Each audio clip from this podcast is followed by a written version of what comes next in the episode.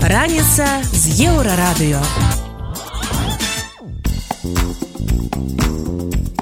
Добрай раніцы вітаем вас на еўрарадыё пачынаем праграму раніца з еўрарадыё штодзённае шоу пра важныя падзеі якія ўплываюць на жыццё беларусаў. Распавядаем пра галоўныя падзеі мінулага тыдня. Рак усё часцей выяўляюць у маладых людзей. Трэба хаця б раз на год ладзіць сабе тэхагляд арганізму. Вось то быў здаваць нейкія хаця базавыя аналізы. Вось трэба быць знаходзіць свайго лекара які ну, будзе даваць кампетэнтныя парады Минздоровье затвердило новые аптечки для автомобилистов. Первый раз, если водитель в такую ситуацию попадает, значит штраф предусматривается в размере до одной базовой величины, либо предупреждение тоже предусмотрено за это нарушение. Сістэма лукашэнкі ў крызісным стане што будзе далей агулам ацэнкі станоўчыя які былі напрыклад по інфраструктуры так, якую назапашвалі десятгоддзямі яны пакрысе пачалі зніжацца і цалкам зразумела чаму так як мы зараз бачым што і масты падаюць і з цеплатрасамі пытанні гэтак далей гэтак далей падрабязнасці неўзабаве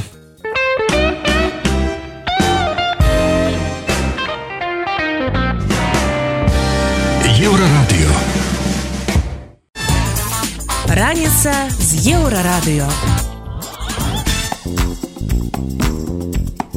Рак усё часцей сталі выяўляць у маладых людзей. Лекары занепакоеныя і збітыя з панталыку такой статыстыкай. Паведамляе амерыканскае выданне Wall Street Journal. У ЗША за апошнія 20 гадоў колькасць выяўленых выпадкаў анкалогіі ў моладзі вырасла амаль на 13соткаў. Трывожныя тэндэнцыі назіраюцца не толькі ў Амерыцы, а па ўсім свеце. Медыкі пакуль не могуць дакладна растлумачыць, чаму хварэюць на чаму хварэць на рак часцей сталі маладыя маладыя пацыенты яны спрабуюць выявіць фактары рызыкі таксама навукоўцы зафіксавалі рэзкі глобальны рост колькасці анкалагічных хворых ва ўзросце до 50 гадоў. Сярод магчымых прычын лекары называюць змяненне ладу жыцця недастатковую фізічную актыўнасць ужыванне перапрацаваных прадуктаў з'яўленне новых таксінаў мікрапластык і атлусценне. Колькасць анкалагічных захворванняў у беларусі таксама расце. Кожны пяты выяўлены выпадак запушчаны. Калі пацыенты з звяртаецца па дапамогу ўжо на апошніх стадыях.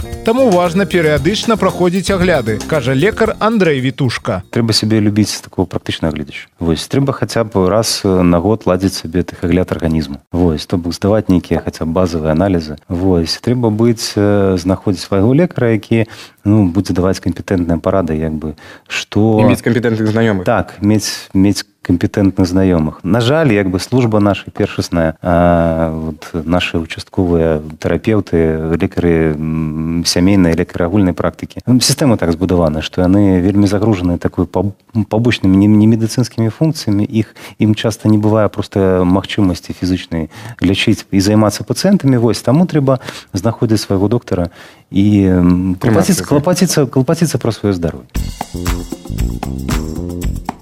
Анкалогія знаходзіцца ў топе галоўных прычын натуральнай смерці ў свеце, але на першым месцы сумнага рэйтынгу хваробы звязаныя з сардэчна-сасудзістай сістэмай. Гэта ішэмічная хвароба сэрца і інсульт. Раніца з еўрарадыё.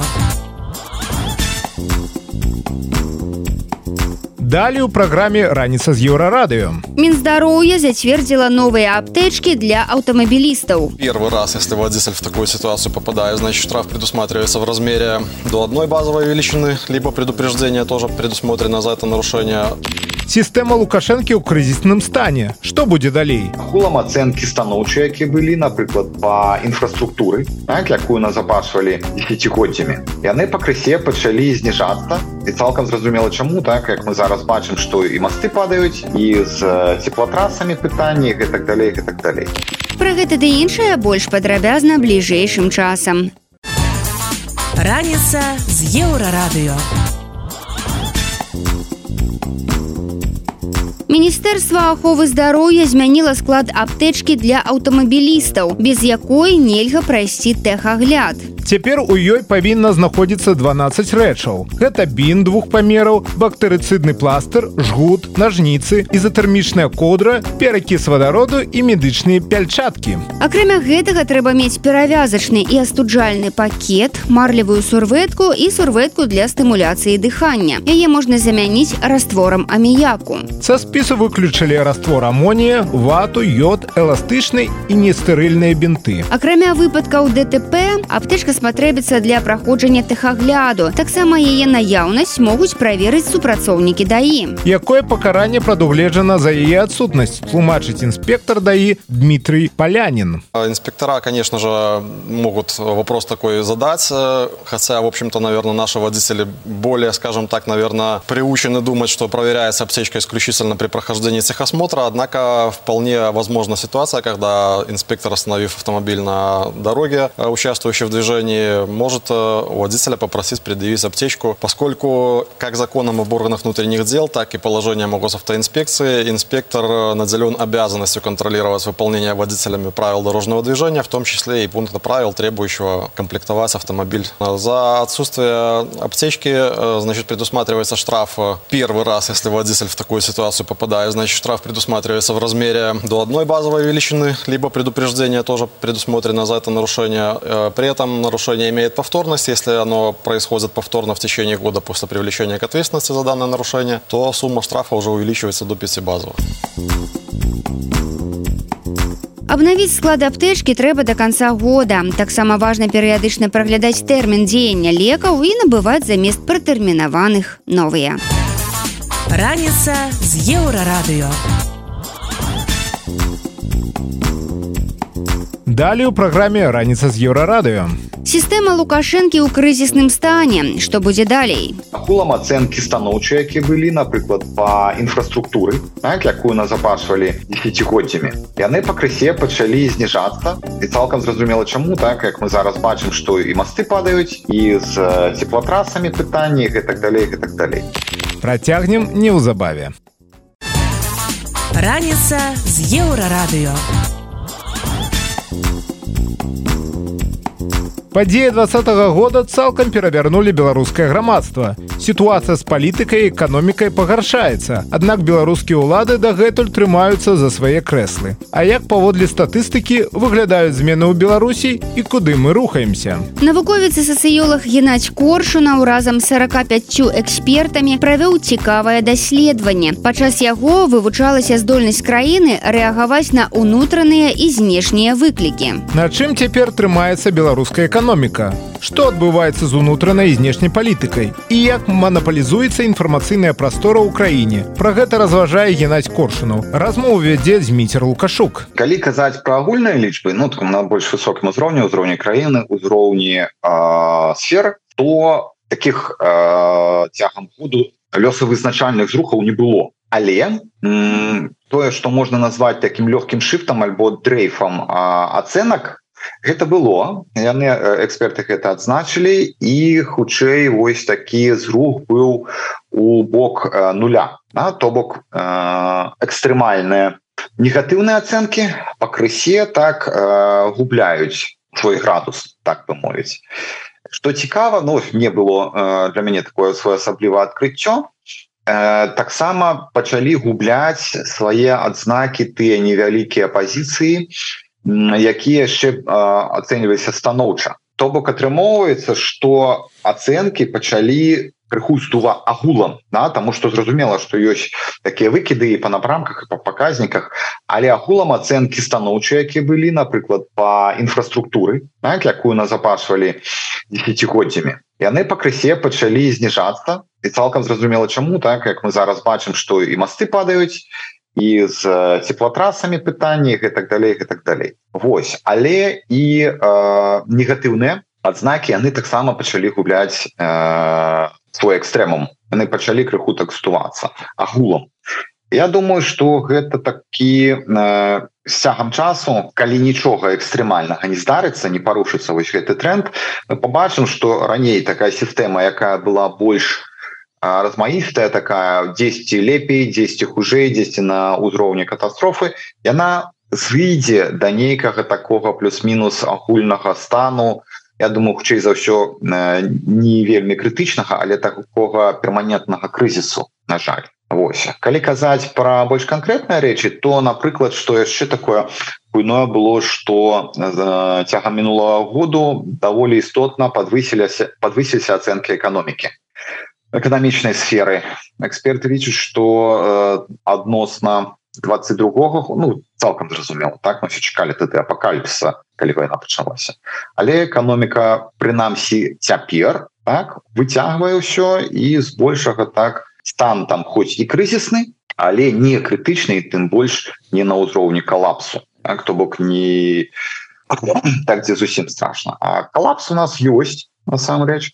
Ёсць некалькі сфер але не памляюся гэта перш за ўсё унутраная э, палітыка на і умовы для працы медыа фактычна там ну сітуацыя не тое каб складаная а на межах катастрофы.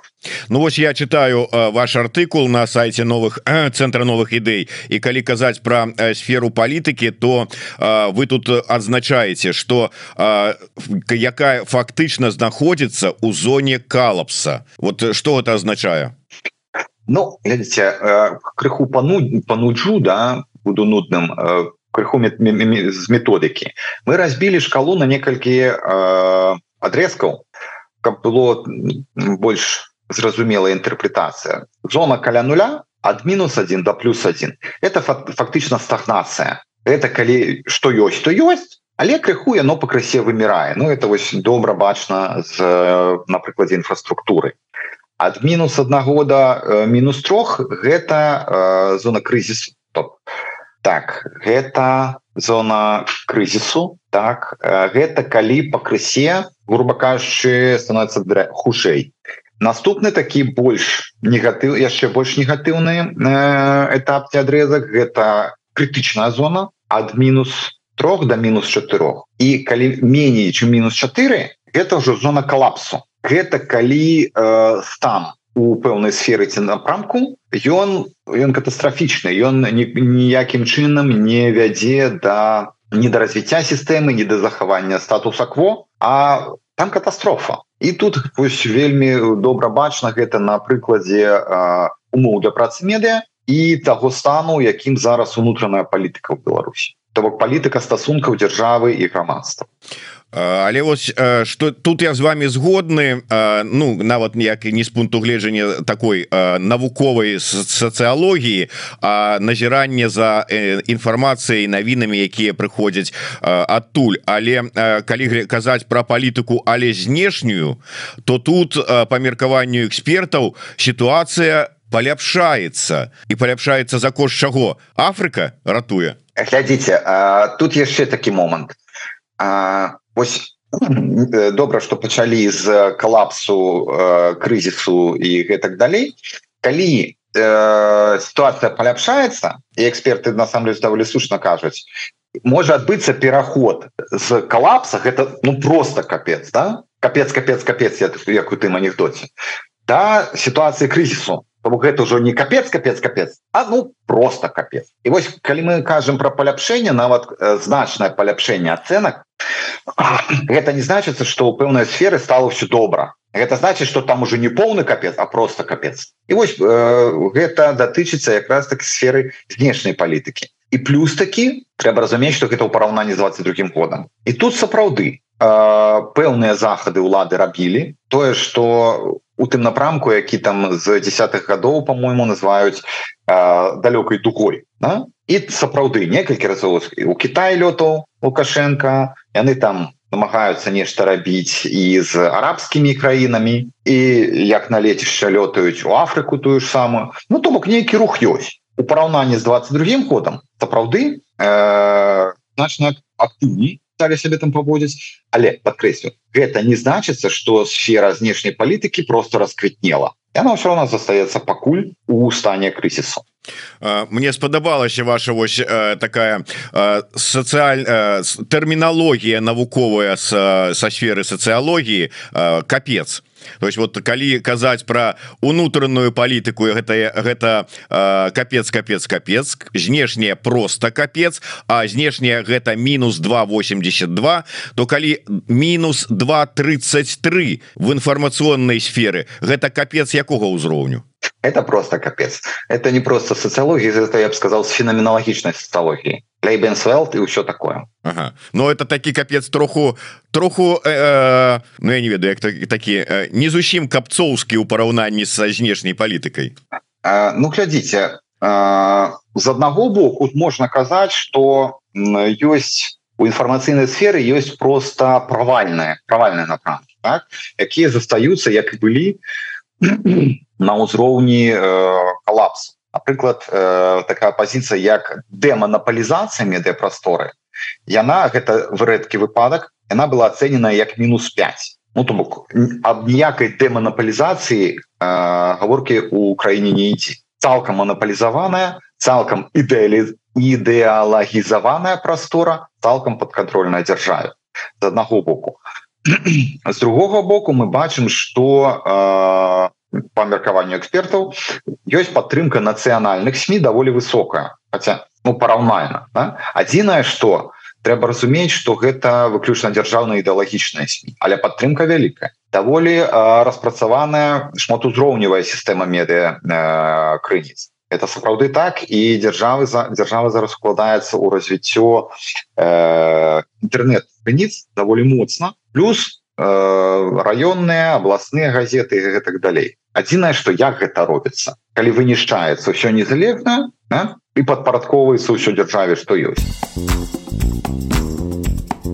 якія змены адбываюцца з беларускім грамадствам унутры і па-за межамі краіны? Ці разумеем мы адзін аднаго альбо жывем ўсё ж рознымі праблемамі? Працягвае геннадзь коршунаў. Праблема безумоўна існуе і пра гэта э, перспектыўна казалі яшчэ ў 21 годзе. Про тое что э, будзе лёг будзе нарастаць розніца жыццёвага досведу так? Это э, гэта той набор праблем з якімі людзі э, сутыкаюцца ў паўсядзённасці это тое что можна казаць калі навуковымі тэрмінамі да?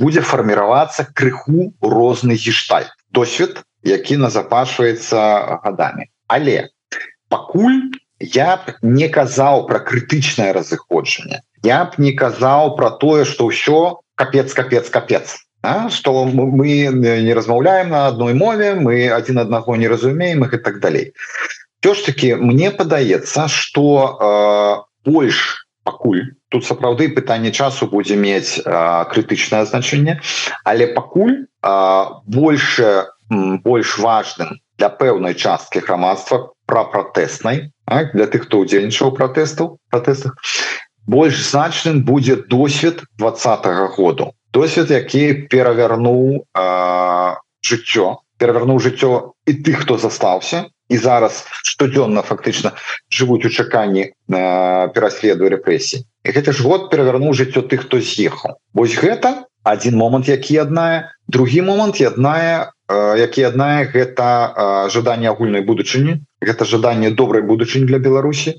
і агульнае бачанне разам нас у Беларусі Таму дынаміка тут безумоўна ёсць.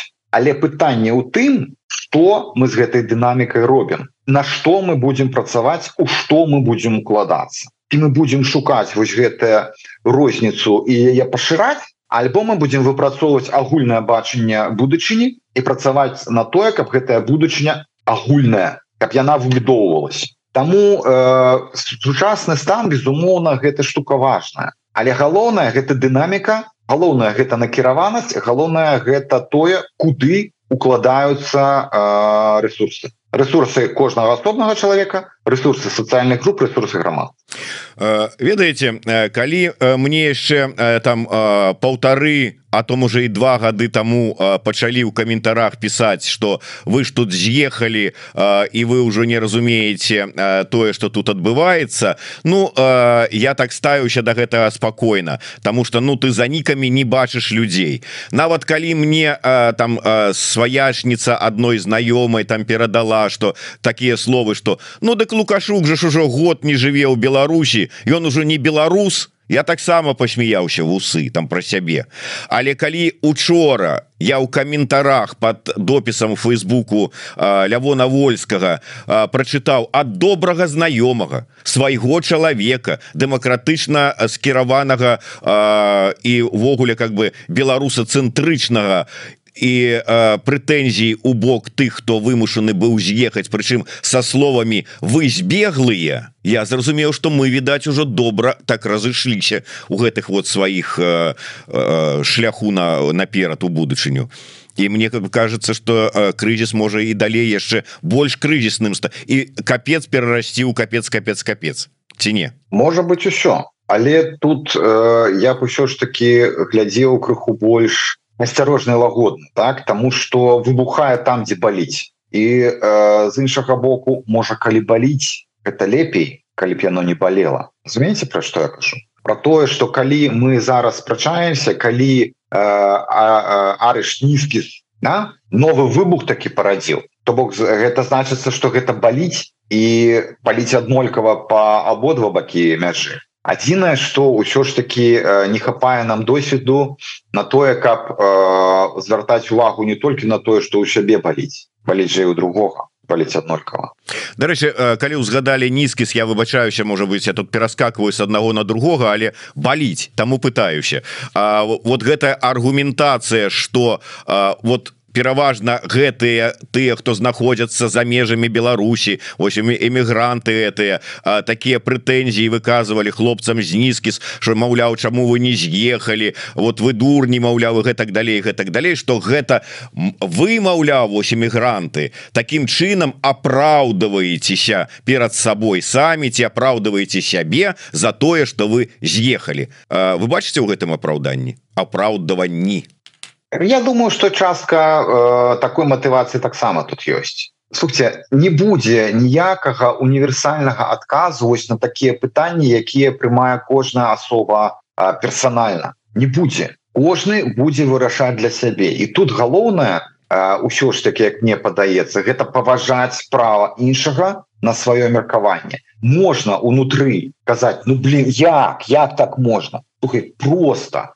кожны вырашае для сябе і за сябе да? і навязывать сваё бачанне іншым Ну блин гэта вельмі вялікая такая амбіцыя. По якому праву ты лічыш что твой выбор неважно застаться альбо з'ехаць ён лепей за выбор того хто э, поступіў інакш? Кожны мусіць вырашаць за сябе. Нема не, ёсць і не будзе ніколі універсальных адказаў на такія блин это не палітычна это экзістэнцыйнае пытанне Ні, э, у кожнага сітуацыя свая асабістая і ні на кого не падобная у кожнага свой досвед свае перспектывы твоя сітуацыя з бацькамі з э, родзічамі так далей Таму таму просто адзін ну ўсё ж таки я б казаў что ёсць нейкі універсальны такі рэцэпт момант ці рэкамендацыя не спяшайцеся і адказваеце за сябе не спяшайцеся выпісваць э, дыагназы рэцэпты і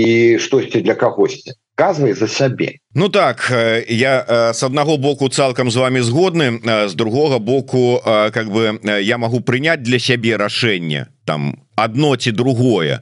Але э, как бы а ці улічваюцца у гэтым рашэнні можа быть 10 там геройскім ці здрадніцкім там по-рознаму можна глядзець. Э, наши сваякі тыя блізкія люди якія залежаць ад гэтага твайго рашэння. Ці скажем там а потым А вот здарылася тое про што папярэджвалі А цяпер вот я прыняў такое рашэнне А цяпер ты там умоўны там стрыжак лявончык там ці беларуская дыаспора давайте дапамагайце Ну это ж было такая проблема і, і так будзе але ўсё роўна э, гэта пытанне суб'екта. По-моему э, помылиться не буду прозвішча называть хто пісаў. Гэта пытанне суб'екта. Хто вырашае? Альбо э, кожны вырашае за сябе альбо права вырашаць. За чалавека аддаецца камусьці на бок. І мне падаецца другое хужэйшае стратэгічна. Таму что правильно калі кожны чалавек з'яўляецца суб'ектам грамадзянскім палітычным этычным эстэтычным якім заўгодна. Чалавек мусіць вырашаць. Зразумела что будуць наступствы якія будуць датычыцца не толькі да яго але і для сям'і для грамадства можна э, казаць і пра чалавецтва да? ну так у прыцеле але прынцыповае пытанне хто суб'ект кто вырашае. І вырашаць за сябе мусіць чалавек. Але вырашаць гэта не сваволя гэта калі чалавек бярэ адказнасць на сябе за наступствы свайго выбору ось тады гэта э, суб'ектнасць гэта даросласць. Гэта быў беларускі навуковец і сацыёлог геннадзь коршунаў. Ён падвёў вынікі новага даследавання пра змены ў беларусі агульнасць беларусаў у эміграцыі і ўнутры краіны і распавёў пра што баліць у абодвух бакоў Раніца з еўрарадыё. Далее у праграме раніца з еўрарадыё Што чыноўнікі збіраюцца рабіць з якасцю дарог Безусловно, статьи в бюджеты есть и на строительство новых дорог, и на ремонт старых дорог, и на капитальный ремонт. А есть даже госпрограмма развития белорусских дорог и ремонта белорусских дорог. Другой вопрос, а каким образом а, вот эти вот а, расходы будут покрываться, да, то есть откуда наполнять. Беларусь будуе на украінскай мяжы вайсковы гарадок. Это информационная составляющая, это информационная компонента соучастия в войне, не более того. Пра гэта больш падрабязна бліжэйшым часам. Раніца з еўрарадыё. Выдаткі з бюджэту на дарогі сёлета вырастуць больш чым у два разы. На іх плануецца патраціць больш за паўтара мільярды рублёў. Пры гэтым дарожны фонд збіраюцца сфармаваць у памеры 3,6 разы вышэй, чым годам раней. Гэтыя выдаткі павысілі на фоне скаргаў беларусаў на якасць дарог, а таксама праз перакрыты поток грошай з Еўросаюзу, якія выдзялялі на рэканструкцыю трас і мастоў. Сітуацыя з дарогамі, якімі раней хваліліся ўлады, пагоршылася пасля ўвядзення ўвядзення санкцый у дачыненні да беларусі. Тады міжнародныя структуры за чые крэдыты будавалі і рамантавалі дарогі разарвалі супрацоўніцтва з рэжымам. Адкуль цяпер улады будуць браць грошы на дарогі? Про гэта распавёў эканаміст і кіраўнік проекта кошту рада владимир кавалкин и вот они пытаются уже третий год найти где-то деньги но как они их пытаются найти мы видим как по состоянию дорог так и по заявлениям головченко который вот уже третий год сетует на то что денег нет мы их где-то там в бюджете изыскиваем, вот, чтобы, если уж не строить новые дороги, но как-то подлатать старые дороги.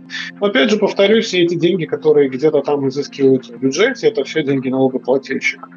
Вот. Просто на сегодняшний день э, стало Головченко и компании э, строить и содержать дороги несколько сложнее, чем это было раньше с европейскими деньгами. Безусловно, статьи в бюджеты есть и на строительство новых дорог, и на ремонт старых дорог, и на капитальный ремонт. А есть даже госпрограмма развития белорусских дорог и ремонта белорусских дорог. А вот. Другой вопрос, а каким образом вот эти вот расходы будут покрываться, да, то есть откуда наполнять значит, вот эти статьи расходные, какими доходами. Понятное дело, что в условиях бюджетных ограничений для того, чтобы пустить деньги на дороги, их надо у кого-то отобрать. Вот. Ну, возникает вопрос, у кого отобрать. Если заимствовать невозможно, то где, где отобрать? Ну и очевидно по риторике Головченко, что отбирать их негде. То есть э, все те деньги, которые есть в бюджете, они тратятся, вот, ну, может быть, на самые важные нужды, там, может быть, на, гос... на поддержку госпредприятий где-то, где-то на выплаты там, бюджетникам зарплат каких-то пособий, пенсий и так далее. А вот э, на дороге денег, собственно говоря, нет. Ну и, собственно говоря, что будет происходить дальше, абсолютно понятно. Первое, что страдает от э, нехватки денег в бюджете, это всегда страдает инфраструктура. Это дороги, это мосты, это капитальные ремонты зданий, сооружений, это закупка какого-то дорогостоящего оборудования для общественных нужд, ну, например, там томографов каких-нибудь в больнице и подобных вещей. Чыноўнікі ж у адказ на крытыку дарог заяўляюць, што будаўніцтва аднаго кіламетра дарогі складае 2-3 мільёна долараў, а рамонт з замены пакрыцця дастаткова дарагая працэдура. Таму ад ямачнага рамонту дарогі мы пакуль нікуды не сыдзем. Раніца з еўрарадыё. Далее у праграме раніца з еўрарадыё. Дзе ў брэскай вобласці можна выходзіць на лёд. Это информационная составляющая, это информационная компонента соучастия в войне, не более того. Падрабязнасці неўзабамі. Раніца з еўрарадыё. Міністэрства обороны Беларусі ў 40 кіламетрах ад мяжы з Украінай гэта гомельская вобласць будуе новы вайсковы гарадок і палігон. У бліжэйшыя два гады на яго будаўніцтва з бюджэту плануюць выдаткаваць больш за 40 мільёнаў рублёў. Аднак дарацца кіраўніка офіса прэзідэнта Украіны Михаил Падаляк упэўнены, што такія дзеянні беларускіх уладаў не звязаны ні з чым іншым, як са звычайнай прапагандай. Они постоянно пытаются имитировать э, активную готовность к чему чему к чему-либо того, чего не существует. Это информационная составляющая, это информационная компонента соучастия в войне, не более того. Э, мы не видим каких-то существенных изменений процессов э, белорусской армии, то есть все, что касается э, Беларуси, активно отслеживается нашими разведорганами, ну, вернее, северное направление в целом, потому что там не только белорусская армия, но есть еще и российские частично войска, до сих пор находящиеся на территории Беларуси. Поэтому я здесь не вижу ни никаких серьезных логистических задач, кроме информационных. Вот мы активно участвуем в чем-то под названием а, «Война». Дарэчы, нядаўна Лукашенко заявіў, што расійская ядерная зброя ўжо цалкам завезеная ў Беларусь, хаця эксперты сумняюцца ў гэтых словах. Тым не менш амерыканскае выданне The Wall Street Journal не выключае, што боегалоўкі ў нашу краіну сапраўды завезеныя і могуць знаходзіцца на авіябазе ў лідзе. Да такіх высноваў журналісты прыйшлі праз тое, што гэта адзінае месца дыслакацыі самалётаў су-25, якія могуць несці ядерную зброю. Але гэтае ж выданне ў кастрычніку паведамляла, што і расійскія зарады могуць захоўвацца на адной з пляцовак у асіповіцкім раёне. І ўсё ж якія шансы таго, што ядерная зброя будзе ўжыта з тэрыторыі Беларусі. Пра гэта разважае палітычны аналітык Артём Шрайман. Думаю, что это было бы очень в стиле Путина, конечно же. Такие вещи. Я, например, думаю, что если бы у нас дошло до ядерной войны, условно говоря, реального обмена ядерными ударами, то сначала бы били с оружием, которое размещено в Беларуси. Потому что если ты смотришь на это с точки зрения там, теории игр, то ты таким образом оставляешь НАТО большую вариативность в ответе, и таким образом даешь... И ты понимаешь, что там, в принципе, люди, которые не хотят умирать, не хотят эскалировать, и поэтому у них будет выбор ударить сразу по Путину или еще там оставить одну ступеньку и ударить сначала по Беларуси, по местам пуска. Я, как бы, э, нанося удар из, из Беларуси, ты им даешь такую возможность, и они, скорее всего, воспользуются, ты как бы откладываешь конец света таким образом. И поэтому я думаю, что, в принципе, вот то, что описывается, тоже было бы в логике Путина, но для меня все-таки здесь стоит вопрос, а что с этим делать дальше? Ну, то есть, как в той песне у Слепакова, а что, если нет, да? А, а, а, а если, как бы, особенно учитывая, что здесь на границе Польши, как бы горячие парни, в принципе, и, особо, и в принципе милитаризованная страна, наверное, скоро будет сильнейшая армия Европы, после украинской, наверное. А если дают ответ, что ты будешь с этим делать? Российская армия сколько месяцев Авдеевку взять не может? Да? Ты, ты как бы чем ты будешь там воевать? Угу. белорусскими ССОшниками, ну, это же как бы тоже в какой-то момент становится просто вопросом не твоих э, хотелок, а твоих возможностей. И поэтому всегда, когда мне говорят о перспективе Путина и на его напады на НАТО, ну, это, это, это риск и блеф такого уровня, который, может быть, Путин на какой-то стадии своего такого маразма старческого придет к готовности на такие риски, да, но когда ты просто без армии, с голой задницей, простите, пытаешься взять НАТО, когда у тебя все войска которые у тебя есть, по сути, размещены в Украине, ну, на что расчет в случае, если ставка не, не выгорит, я не знаю. Пакуль жа сітуацыя з ядзернай зброяй у беларусі не выклікае хваляванняў. Лукашенко кажа што выкарыстае боегалоўкі без вось гэтых самых хваляванняў у крытычны момант. Але ў той жа ўкраіне лічаць што ўся гэтая гісторыя толькі вялікая геапалітычная гульня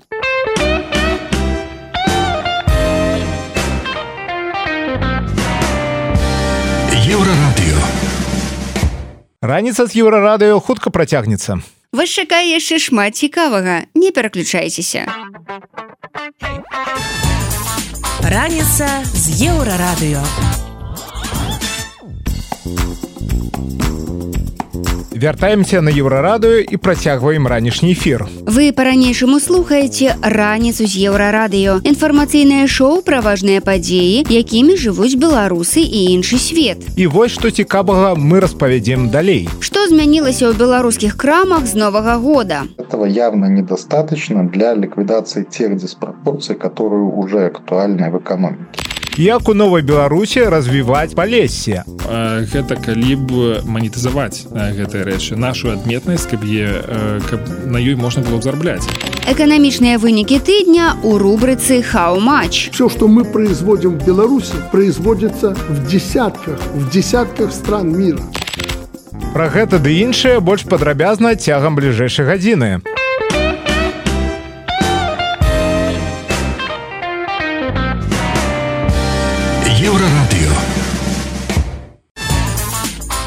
раніца з еўрарадыё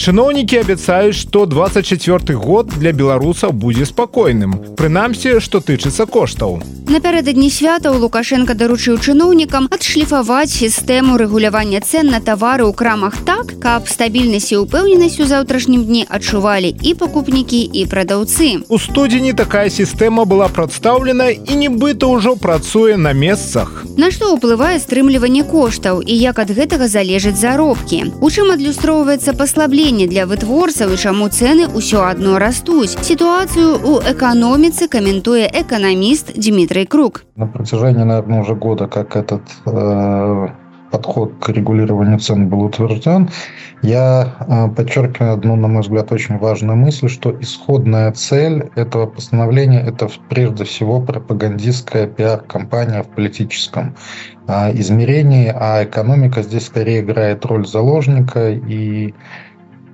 пытаются уже правительственные чиновники как-то оформить прихоти политического запроса, облечь в какую-то экономическую форму. И в этом плане, да, можно согласиться, что эта пропагандистская пиар-компания эффективна. То, что мы э, можем видеть э, в ряде опросов, что действительно замедление роста цен в 2023 году часто связывают с э, вот этим постановлением, хотя Берусь утверждать, что цены замедлялись бы и а, в его отсутствии.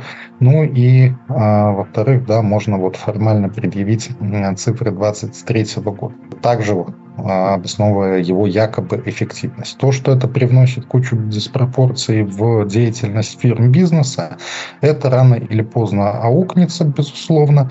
И в этом смысле в экономической плоскости э, говорить об эффективности, о том, что это может действовать долго, не приходится. Час действия этого постановления а, переходит в новую реальность, а новая реальность в чем заключается? что первое давление ценовое, оно уже э, становится все более ощутимо. А, то есть невозможность повышать цены в 2023 году создает уже очень сильную напряженность для многих предприятий, и они, э, э, и государственных, и тем более частных, и они все в большей мере вынуждены искать какие-то хитрики, какие-то нестандартные решения для того, чтобы а, поддерживать себя на плаву и участие это может быть, э, например, закупка каких-то менее качественных, более дешевых товаров, попытка налаживания каких-то схем с фиктивными зарубежными посредниками э, для того, чтобы отпускные цены, контрактные цены импортные э, повышались. А кроме того, это еще влияет на возможности фирм поднимать заработную плату, потому что если у них проблема с рентабельностью, они не могут повышать цену, другой стороной медали является необходимость тогда ограничивать рост заработных плат. И вот первая часть этих изменений, она как бы реагирует тоже в русле политического стендапа, в жанре политического стендапа, но чуть-чуть реагирует на эту изменившуюся реальность, вроде как давая некоторые послабления для производителей отечественных. Вот это подчеркну, это очень важно. В чем эти послабления выражаются? Самое важное, что я действительно всерьез назвал бы послаблением, то, что для новых, так называемых новых товаров э, необходимость согласовывать и получать разрешение на установление цен в исполкомах, там, в различных э, органах власти, она устраняется. Это важно. Почему? До 2014 года, пока действовала старая редакция закона о ценообразовании, вот такая уловка с новыми товарами была очень распространенной среди белорусских производителей, чтобы легально а, обходить действия ценовых ограничений, которые до 2014 года имели определенное сходство вот с этим 713 постановлением. То есть, грубо говоря, в пакетик молока добавляется на этикетке какой-нибудь новый значок или туда добавляется формально какой-то элемент, ну, там не тот пакетик молока, это совсем упрощенно, и это формально может проходить как новый товар. И до 2014 года, подчеркну, очень многие производители этим пользовались. По сути, это такой был абсолютно легализованный способ э, свободного ценообразования. Дадут ли чиновники возможность вот таким образом имплементировать это новшество? Ну, склоняюсь скорее, что да. Я думаю, что это вот как раз-таки попытка правительственных чиновников как-то соответствовать духу политического стендапа. Это, мне кажется, самое главное, что воплощено.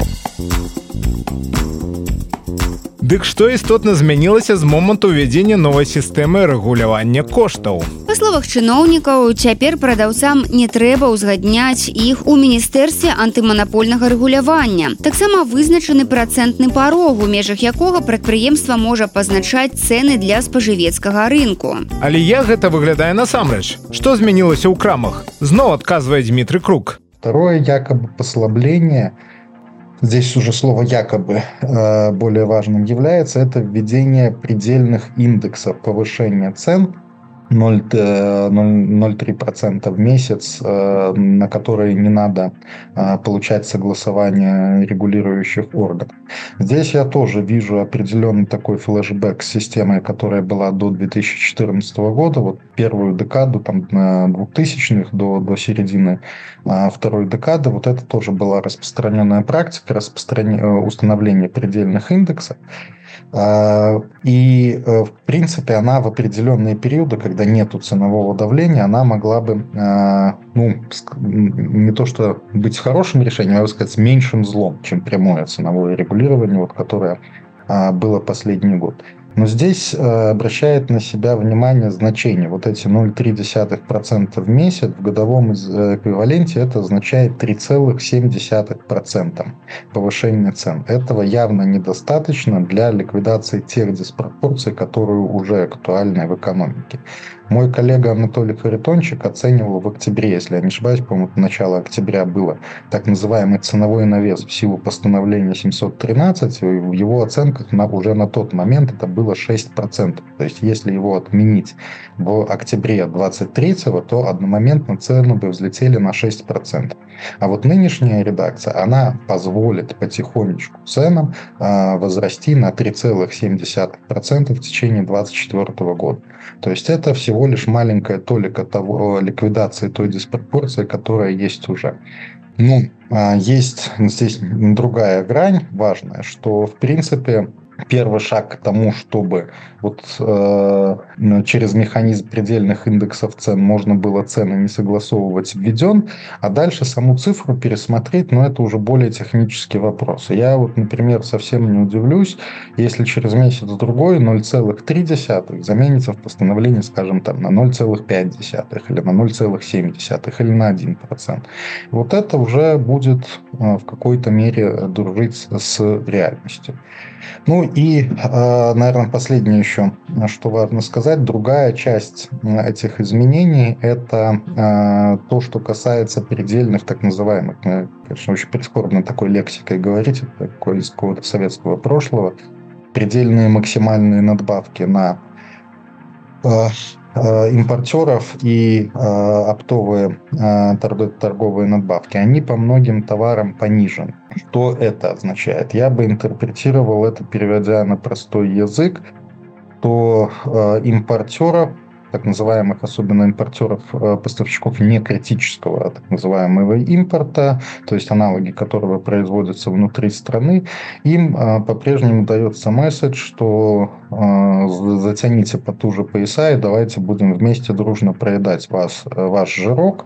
То есть импортеров им говорят, что вы не самый желательный элемент на рынке, а хотите жить, крутитесь, вот мы вас загоняем в те рамки еще более суженные рамки, чем это было до начала 2024 года. То есть из только попытки регулировать цены, вот это постановление еще в большей мере оно теперь обретает черты борьбы с потребительским импортом, ну, что тоже всегда было присуще белорусским властям. Поэтому такого единого видения вот этого постановления, то есть целостности его направленности у меня нету. С одной стороны, да, действительно есть некоторые послабления, с другой стороны, я бы сказал, что это ужесточение, но э, как главный вывод я бы, наверное, резюмировал – что даже с этими изменениями каких-то принципиальных новшеств, которые могли бы э, свидетельствовать о том, что диспропорции, которые уже сложились у э, бизнеса, у госпредприятий, могут быть быстро ликвидированы, вот таких новшеств в этих изменениях не содержится.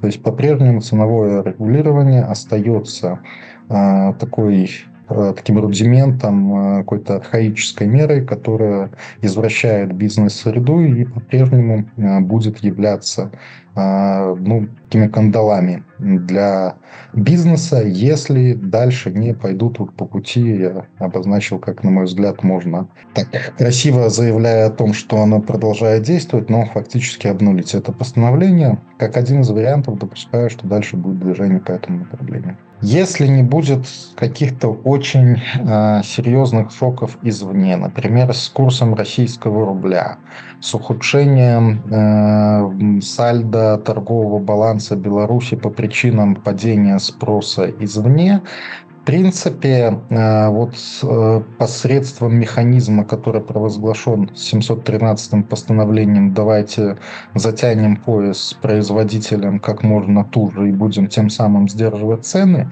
какое-то время, э, и допуская, что в 2024 году ситуация может сохраняться с не, не столь большим Э, темпом инфляции, но все равно большим, нежели в 2023 году. То есть то, что инфляция будет в 2024 году ускоряться, и люди будут ощущать на себе а, повышенный а, темп роста цен по сравнению с 2023 годом, это однозначно вопрос скорее, насколько интенсивно и насколько значимо а, будут расти цены. Но сюда же, даже в этот сценарий, могут добавляться такие сюжетные линии, как ухудшение качества ассортимента, сужение ассортимента. То есть, например, для импортеров, то, что я уже упоминал, чтобы вместиться в эту пониженную предельную надбавку, для них будут стимулы искать на рынках менее качественные товары, которые можно приобрести э, дешевле, и, соответственно, для потребителя это будет означать ну, ухудшение своей потребительской корзины примерно за те же деньги, либо даже с возвращ... возрастающей ценой. З намі быў Дмітрый Круг, старшы навуковы супрацоўнік Берок і эканаміст. Ён распавёў, як працуе новая сістэма рэгулявання коштаў і ці сапраўды яна стрымлівае іх рост у крамах. Раніца з еўрарадыё. Далей у праграме раніца з еўрарадыё як у новай беларусі развіваць палесе гэта калі б манетызаваць гэтыя рэчы. Нашу адметнасць каб е каб на ёй можна было зарабляць. Эканамічныя вынікі тыдня у рубрыцы хау-матч все что мы производим в беларуси производится в десятках в десятках стран мира. Працягнем пасля навінаў спорту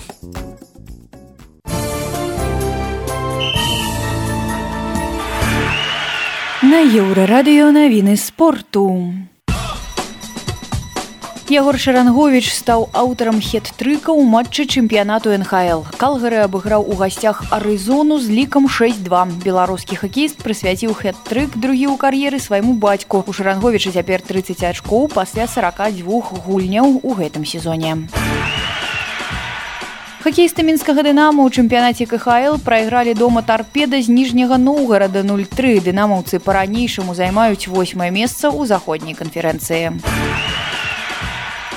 У баскетбалістаў мінска ўжо 21 паражэнне запару у адзінай лізе ВТБ. На гэты раз яны саступілі ў санкт-петербургу зеніту 69-96. Менчукі намагаюцца выйграць хаця б адзін матч у сезоне.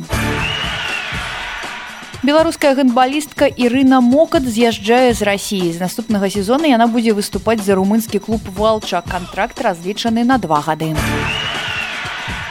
Віталь Паўлаў сышоў з пасады галоўнага трэнера футбольнага клуба белшына ён працаваў з камандай з мінулай зімы. Па выніках сезона бабруйскія футбалісты не здолелі захаваць месца ў эліце футбольны клуб крумкачы падаў заяву на ліцэнзаванне ў першую лігу беларускага чэмпіянату. У мінулым сезоне ў другой лізе каманда заваявала срэбраныя медалі і вырашыла не адмаўляцца ад магчымасці згуляць у першай. Да лютага крумкачы ў адпачынку. Гэта былі навіны спорту на еўрарадыё. Заставайцеся з намі. Раніца з еўрарадыё. А што чуваць на палесе? Гэта наша традыцыйная рубрыка размоваў са знакамітымі палішукамі. Сёння апошняя частка гутаркі з валерыем кавалеўскім прадстаўніком аб'яднанага пераходнага кабінета па замежных справах. Палітык які прадстаўляе дэмсілы беларусі усё дзяцінства правёў на столеншыне у вёсцы беражное дзе яго выхоўвалі бабуля і матуля. Як у рэгіёне святкавалі каляды і чаму на палесе так шмат гаворак? Слухаем што на пытанні еўрарадыё адказаў валеры кавалеўскі у межах вось гэтага нашага такога навагодня каляднага цыклу так? У вас там давыд гарадок які вядомы конікамі ў беражным таксама былі конікі на Не, каляды? нет не было колі конікаў не было каляды былі і мы актыўна карысталіся гэтым момантам бо это а весело б можна штосьці зарабіць. Э, і сапраўды дзеці карысталіся гэтай магчымасцю каб э, подзарабіць нейкія там копейкі ну, можна было штосьці сабраць. Ну а для для людзей больш сталага ўзросту для маладых людзей ці ці для дарослых это таксама магчымасць э, пабыць э, правесці час разам э, там павесяліцца там схадзіць да сваіх знаёмых сяброў там атрымаць нейкія пачастункі пад падчас гэтых калядаў. То бок хадзілі дзеці дарослыя у вас? Так асобнымі кампаніямі звычайна то бок все ж такі для дзяцей іншыя іншыя падарункі. а для дарослых іншыя таму але это было вельмі вельмі цікава вельмі класныя працэсы А памятаеце якое-небудзь там слово якой-небудзь калядкі вось просто цікава як у вас гаварылі на вашай мове пачуць ужо гэтую мову бережно. добрый вечар пані дзядзьку падавай э, зараз скажу одну секунду. А, добрый вечар пані дзядзьку А, праспяваце вам калядку чы гэ пірожка падасце А что такое г ці вось так. Ці просто дасце Ага Ага, так так это такое. Зараз я скажу некую можа нейкі іншы кантэкст чы гэ зробіш? Вось так мо Чи гэта зробіш чы гэ ці вось так зробіш. Гэ это як так ці просто так зробіш. То бок гэта такія свае адметнасці у вас. Это такая і вы да. цекаеце ўжо як беларусы Так. То бок напрыклад у мяне на іванаўшчыне мы тэкаем мы ўжо так больш да украінскай мовы а у вас вось гэта ідзе пераход да ўсходняй палескіх гаворак і там атрымліваецца а там дзе тураўшчына пагост там же ж зусім альшаны як, якая там гаворка Боже кагу Ну, яны там скажу так гавораць што просто ну класна слухаць слухаў бы слухаў гэтыя палескія это правда это правда. І ну на жаль э, тыя месцы дзе яе можна пачуць зараз яны такія скукужваюцца Ну так А вы дарэчы ведаеце што э, лічыцца што балоты гэта прычына э, вось гэтага такога э, шматслойнасці гэтых палескіх гаворак. Таму што былі балоты на кубках гэтых э, размер, э, размяркоўваліся вёскі. Людзі э, вельмі вельмі рэдка адзін з адным э, там спілкуваліся э, камунікавалі. Ну і таму у кожнай вёсцы у прынцыпе свая гаворка яны ўсе падобныя але ўсе ж адрозніваецца. Кінь конь кень Так, так. як у каго смерць смарт смерць. Сапраўды э, былі такія прыказкі уступы і пасля песні на конечно абавязкова была песня там рожество Христова ангел прыляцеў вон ляцеў по небу э, людзям песні пеў штосьці вось такое? Ну і далей по тэксту Эм, так это вельмі класны час быў э, ну тады зімы конечно былі такімі больш э, э, больш располаганы праўднымі так. Мгм. А у вас было такое што калі напрыклад нехта не э, частаваў каляднікоў то плот маглі закінуць куды-небудзь на дарожны знак? У нас такога не было. Такіх выпадкаў не было. Але я чуў про тое что такія рэчы адбываліся в нашай вёсцы таксама у нас таксама былі сённяшняя эканамічная сацыяльная і культурная палітыка рэжыма накіравана выключна на захаванне ўлады нягледзячы на тое што гэта да таго ж павышае усебаковую залежнасць беларусі ад рассіі Гэта адбіваецца ў тым ліку і на палесі. Рэгіён паступова губляе свае адметныя рысы, старажытныя брады і промыслы забываюцца і знікаюць. Як варта падтрымаць рэгіён, калі Беларусь нарэшце стане вольнай. Сваё бачанне раскрывае Валерый Кавалеўскі. Ведаце, ось, э, наколькі зараз вось э, нацыянальнасць і прыналежнасць ну, вось, да нейкага рэгіёну э, увогуле э, мусіць быць заўважнымі і важныя так у гэтым сучасным свеце. Таму што ну, ёсць меркаванне што гэты вось э, не ведаю інстытут э, ці ну увогуле гэта ўсё гэта прычына канфліктаў войнаў што цяпер гэтага падзелу такога не мусіць быць. Ці мусіць А вы маеце на увазе нацый народаў ну, каб, ну вось так ужо занадта акцэнтаваць на тое што вот я паляшук ці я беларус. Там, я рускі мы ведаем да чаго прыйшло вось гэтае я рускі Ну я я думаю все ж таки ёсць значнае адрозненне паміж тым як рускі успрымаюць у сябе як яны бачаць навакольны свет як гэты свет бачыць беларусы? Ну, калі ўжо казаць пра розніцу паміж паміж нашымі народамі. Ўсё ж такі беларусы больш такі цэнтрычныя іх цікавіць менавіта наша нацыя ніякіх імперскіх каланіяльных замашак у нас не было і не будзе ёсць конечно такое там мне чужое не трэба сваё не аддам гэта таксама адзін з тых прынцыпаў якія часта можна пачуць сярод палішукоў то бок такая тэрытарыяльнасць яна прысутнічае гэта маё і гэта гэта мой свет я яго буду абараняць у адрозненне ад ад рускай нацыі дзе пастаянная экспансія гэта іх ну фактычна днк гэта ўсё народа. І мы бачым там ад пачатку заснавання 13-12 стагоддзя яны ўвесь час спрабуюць пашыраць свае межы за кошт канешне іншых народаў. Я не думаю что нацыяналізм кудысьці знікне. Ён застаецца і але ён можа быць таксама рознага кшталту можа быць рознай якасці. Я бачу что ну, мы самі можемм бачыць там напрыклад нацыяналізму у у краінах еўрапейскага звязу ён мае іншую канатацыю іншыя прычыны і іншыя мэты. Захаванне саміх сябе умацаванне культуры. Праз гэта ўмацаванне культуры таксама рабіць сябе больш цікавым заўважным прывабным для міжнароднай супольнасці больш зразумелым. Умацоўваць праз гэта сваю суб'ектнасць каб ні ў кого не было нейкіх думак про тое что гэта краіна не зусім сапраўдная гэты народ готовы здацца то бок нацыяналізм нацыяналізм прысутнічае і будзе прысутнічаць надалей. З гэтым з гэтым трэба будзе жыць. Што да беларусі то конечно у нас зараз вельмі крытычны момант у сэнсе таго кім мы сябе асэнсоўваем хто мы такія і куды мы хочам прыйсці. Я кажу не пра дэмакратычны рух беларусі які досыць добра вызначыўся з, з гэтым то есть у нас ёсць выразнасць. А беларускі народ я думаю его просто забіраюць магчымасць думаць про тое хто мы такія мы часто говорим про новую Беларусь а вы вы сабе уяўлялі як у новой Беларусі можна будзе падтрымаць палесе каб вось гэты рэгіён все ж захаваўся ў сваёй гэтай аўтэнтычнасці каб захаваўся гэты культурны ку складана вельмі пытанне. Не могу сказаць что я про гэта вельмі шмат думаў. Я думаю что у канешне гэтая мова яна вельмі арганічная для нас. Яна там прысутнічала сотні гадоў і нашы бацькі і прадзеды ёй карысталіся. Але у будуць непазбежныя працэсы таго што гэта можа аслабляцца тым ці іншым чынам. Нават я калі там не нарадзіўся сын у мяне было пытанне на якой мове з ім размаўляць. На палішуцкай ці на беларускай. Вы думалі про палішуцкай? Я думаю таксама і пра гэта. І але ты мне менш я падумаў ну гэта будзе вельмі моцна абмяжоўваць яго. Все ж такі это павінна быць беларуская мова як агульнанацыянальная мова. Я думаю варта думаць пра развіццё гэта рэгіёна рэгіёна не захаванне яго ў тым выглядзе які ён быў заўсёды. А Таму што ну, ёсць абсалютна лагічна нейкія эканамічныя працэсы. Мы развіваемся, мы частка глобальнага свету.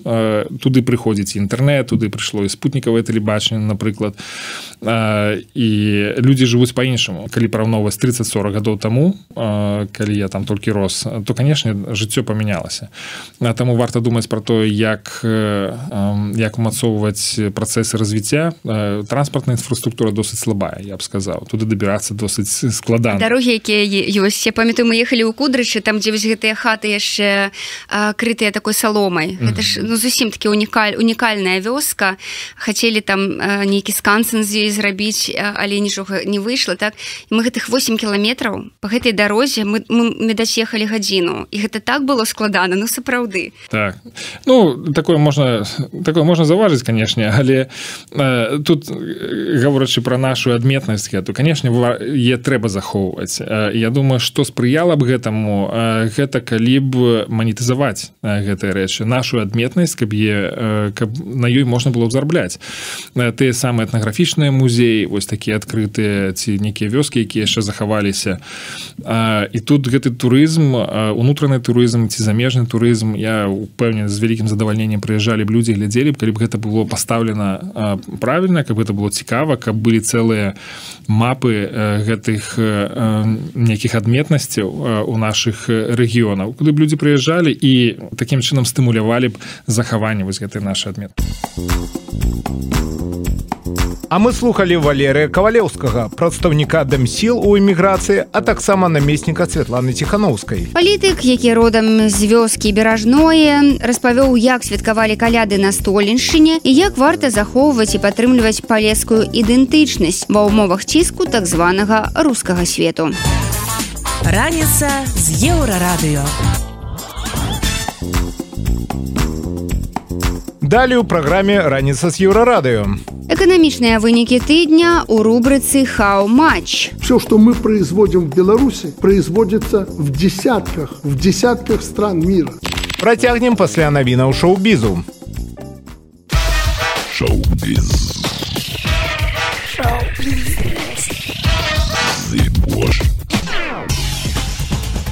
Вітаю гэта навіны шоу-бізу.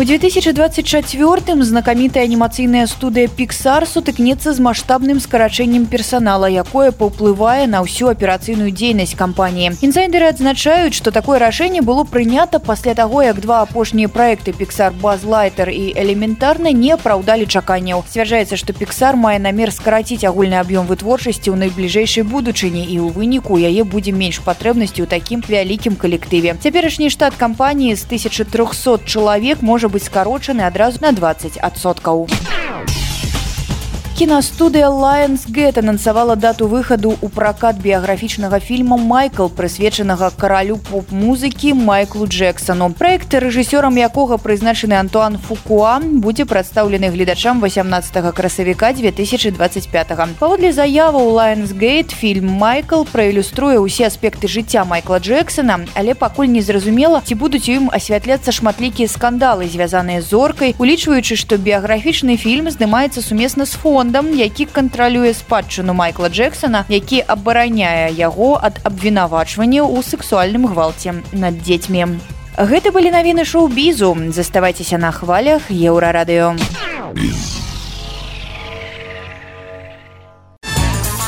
Раніца з еўрарадыё Для большасці дзяржаўных прадпрыемстваў эканамічныя страты і банкрутства гэта норма жыцця, але гэты факт яшчэ з'яўляе кантралюючыя органы рэжыму. Так на нядаўнім паседжанні калегіі камітэта дзяржкантролю візіпскай вобласці чыноўнікі абураліся, што колькасць прыбытковых заводаў у вобласці скарачаецца, зато стратных расце. Некаторыя прадпрыемствы віцебск прам нібы спыніліся ў развіцці, не збіраюцца нічога мяняць, не своечасова праводзіць мадэрнізацыю і марудзіць з рэалізацыяй востра неабходных інвестпраектаў падкрэслілі ў КДК. Ну а іншыя не менш важныя навіны пра беларускую эканоміку слухайце ў нашай штотыднёвай рубрыцы хау-матч. Хау-матч. Колькі? Добрый дзень з вами рубрика хау-матч у якой мы говорим про асноўныя эканамічныя навіны тыдня. Сёння мы поговорим про тое навошта беларускім уладам адраджаць знак якасці і чаму аварыі ў беларускай сістэме жылічна-камунальнай гаспадаркі пачалі здарацца часцей у беларусі збіраюцца адрадзіць знак якасці. Сама ідэя адразу вяртае нас у мілыя сэрцу беларускіх уладаў савецкія часы. Калі ў кожнай каўбасы быў свой знак якасці. У гэтыя мілыя ностальгічныя часы быў праўда адзін маленькі нюанс. Знак якасці ў тавараў быў а тавары былі не заўсёды. Але не мае значэння. Галоўнае каб усё было як тады як у старыя добрыя часы. Але на самой справе я думаю что недзеля нашай ностальгіі за каўбасой са знакам якасці прыдумана гэтая ідэя. Ды і ўвогуле недзеля нас з вами Я думаю, што задумка тут больш глобальная. Ідэя можна сказаць стратэгічная. Вось што сказаў Лукашенко пра тое, якія тавары павінны мець знак якасці. Белазы, МТЗ, МАСТ и так далее, они не могут э, не иметь знак качества на какой-то товар свой. Главное, машиностроительные компании должны иметь э, товар со знаком качества. Ну как МТЗ, тракторный завод не будет иметь со знаком качества машин. Сам выбор товару, якія павінны атрымаць знак якасці, як бы намякае, што да спажывецкага рынку да каўбасы гэта ідэя мае такое апасрэдаванае дачыненне. Зразумела што каўбаса без знака якасці не застанецца. Але не каўбасе справа. Беларускія ўлады як урад ссср робіць стаўку на цяжкае машынабудаванне. А зразумела што цяжкае машынабудаванне гэта не пра спажывецкі рынок і нават не пра ўнутраны рынок бо Беларусь чым далей тым больш страчвае свае пазіцыі на расійскім рынку на рынку на які прападае ўжо каля 65 адсоткаў беларускага экспорту але на расійскім рынку між тым беларускія тавары адціскаюць канкурэнты як прызнаўся ў гэтым сам Александр Лукашенко. В спину дышат наши конкуренты. И все, что мы производим в Беларуси, производится в десятках, в десятках стран мира. Каб хотя бы захаваць свае пазіцыі на расійскім рынку, беларускаму экспорту тэрмінова патрэбны дадатковыя стымулы. Але нейкімі выдатнымі якасцямі беларускія аўтобусы ад скажем кітайскіх не адрозніваюцца. І няма ж ніякага рэальнага спосабу павысіць гэтую якасць радыкальна. І вось паколькі рэальных нейкіх паляпшэнняў прыдумаць нельга, то беларускія ўлады вырашылі пайсці па звыклым шляху. Нагадаць пра агульную гістарычную памяць ностальгію па савецкіх часах як дарэчы зноў нагадаў сам александр лукашенко мы сохранили преемственность прежней эпохи в том числе совет этот исторический период дал старт нашему национальному развитию но теперь вы понимаете почему как меня критиковали я цепляюсь за то советское время. Прадаваць ностальгію по ССР гэта вельмі ў духу беларускіх уладаў. Ностальгія по ССР стабільна прыносіла беларускім уладам добрыя дывідэнды. На адной толькі праграме нафта ў абмен на пацалункі зарабілі дзясяткі, а можа і сотні мільярдаў долараў. Вось гэта тая самая спроба прадаваць той же самы тавар у сэнсе ностальгію, толькі ўжо са знакам якасці. Але вельмі сумнеўна, што ў гэты раз яно спрацуе. Купляючы партыю трактароў ці аўтобусаў на мільёны ці дзясяткі мільёнаў долараў пакупнік, нават калі ён самы адданы прыхільнік ССР не будзе кіраваць кіравацца ностальгічнымі меркаваннямі Таму што ў пакупніка які пры здзяйсненні такіх сделак кіруецца ностальгічнымі меркаваннямі звычайна няма мільёнаў ці десяткам мільёнаў долараў на закуп парты трактароў і аўтобусаў Вось у чым гэтая ідэя могла б дапамагчы дык гэта ўпрасоўванне беларускага харчовага экспорту Таму што каўбаса з савецкім знакам якасці заўсёды знойдзе ў рассіі удзячную мэтавую аўдыторыю. Але насамрэч не дапаможа. Каб прадаваць больш каўбасы трэба вырабляць больш каўбасы а беларуская сельская гаспадарка і так працуе на мячы магчымасцю пасля неўраджаю мінулого года экспорт беларускіх прадуктаў харчавання за 8 месяцаў знізіўся до 5 мільярдаў долараў супраць 6 мільярдаў год таму уся беларуская каўбаса якую можна прадаць яна цудоўна прадаецца і без знака якасці і уж тым больш не беларускі не савецкі знак якасці не дапамогуць прасоўваць беларускую прадукцыю на экзатычныя рынкі далёкай дугі у экзатычных рынкаў далёкай дугі свае знакі свая ностальгія і сваё уяўленне аб якасці ідэя са знакам якасці гэта такая тыповая ідэя беларускіх уладаў. Просто класіка жанра. Яны ўвесь час спрабуюць прыдумаць якую-небудзь такую панацею нейкі цуд які адразу вырашыць усе іх праблемы. Як з мегапраектамі Таму што мегапраекты это все якраз тыповыя прыклады як улады спрабуюць знайсці цудоўную панацею ад усіх эканамічных хвароб. Атомная станцыя цэлюлозны камбінат беларуская нацыянальная біятэхналагічная карпорацыя выдаткі на гэтыя проекты склалі ўжо не мільярды а десяткі мільярдаў долараў. І нічога не працуе так як павінна працаваць. І каб падтрымаць гэтыя проекты проекты на плаву трэба траціць зноў і зноў. Як дарэчы з цэментнымі заводамі. Бо цэментныя заводы гэта ж самы першы з беларускіх мегапраектаў гэтаму мегапраекту ўжо больш за 20 гадоў. Па задумцы аўтараў ідэі Беларусь мусіла стаць вялікай цэментнай супердзяржавай. Але неяк не стала. Хаця колькі грошай было выдаткавана на гэтую ідэю не можа напэўна палічыць нават беларускі ўрад. Таму што на адзін только краснасельскбуд матэрыялы і толькі па стане на 18 год урад патраціў 500 мільёнаў долараў. А ў выніку урад на пачатку года у чарговы раз прыняў рашэнне аб тым тым что проценты по крэдытах за гэтыя заводы будуць выплачвацца за кошт бюджет Таму что по выніках 22 года чыстыя страты трох цэментных заводаў склалі больш за 100 мільёнаў рублёў. Пасля 20 гадоў і сотняў ці нават мільярдаў долараў з нашага бюджэту якія ўрад патраціў на іх мадэрнізацыю Ну і не дзіўна што калі трэба утрымоўваць столькі унікальных мегапраектаў а яшчэ дапамагаць сябрам то грошай не на всякие глупства. Ну там напрыклад ацяпленне водазабеспячэння ўжо можа і не хапіць. Нядаўнія лютыя маразы беларуская сістэма ЖКХ перажыла не без страт. У першыя два тыдні студзеня без ацяплення і гарачай вады а месцамі і ўвогуле без вады заставаліся мінская малінаўка адзін з раёнаў беразіно віцебска рагачова ляхавічаў. Чыннік ва ўсіх выпадках як пад капір. Крытычныя дэфекты труб. Ну, вось калі трубы не рамантаваць і не мяняць то рана ці позна у іх з'явяцца крытычныя дэфекты нікуды не дзенешся і тады так нехта застанецца без ацяплення або без гарачай вады або і без гарачай вады і без ацяплення а на тое каб рэгулярна мяняць і чыніць трубы грошай не хапае. Таму што мегапраекты яны ж ну кожнаму зразумела больш важныя. Пачынаючы з два -го года выдаткі беларускага бюджэту на ЖКГ не тое каб зніжаліся яны падалі. У двадцатым годзе ў бюджэце планавалася патраціць на ЖКГ 500 мільёнаў рублёў а ў 21 ужо толькі 300 мільёнаў у 22 менш за 100 у бюджэце на мінулы год гэтыя выдаткі ўпалі адразу ў 14 разоў. Да 6 і 70 мільёна рублёў. Ну і не дзіўна што яно ўсё ламаецца. У гэтым годзе выдаткі на ЖКГ праўда крыху павялічаць. Нават адразу на 50соткаў Мабыць таму што год будзе такі крыху асаблівы бо перад выбарамі трэба ж паказаць беларускаму грамадству свой клопат. Але агульная сума гэтых выдаткаў ўсё роўна складзе толькі десятую частку ад выдаткаў 22 года. у На гэтым на сёння ўсё з вами была рубрика хау-матч пачуемся на наступным тыдні усяго добрага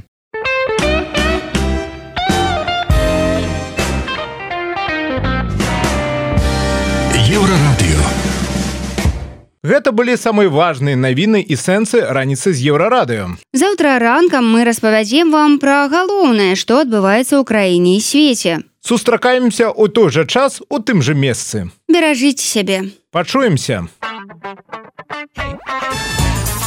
Раніца з еўрарадыё.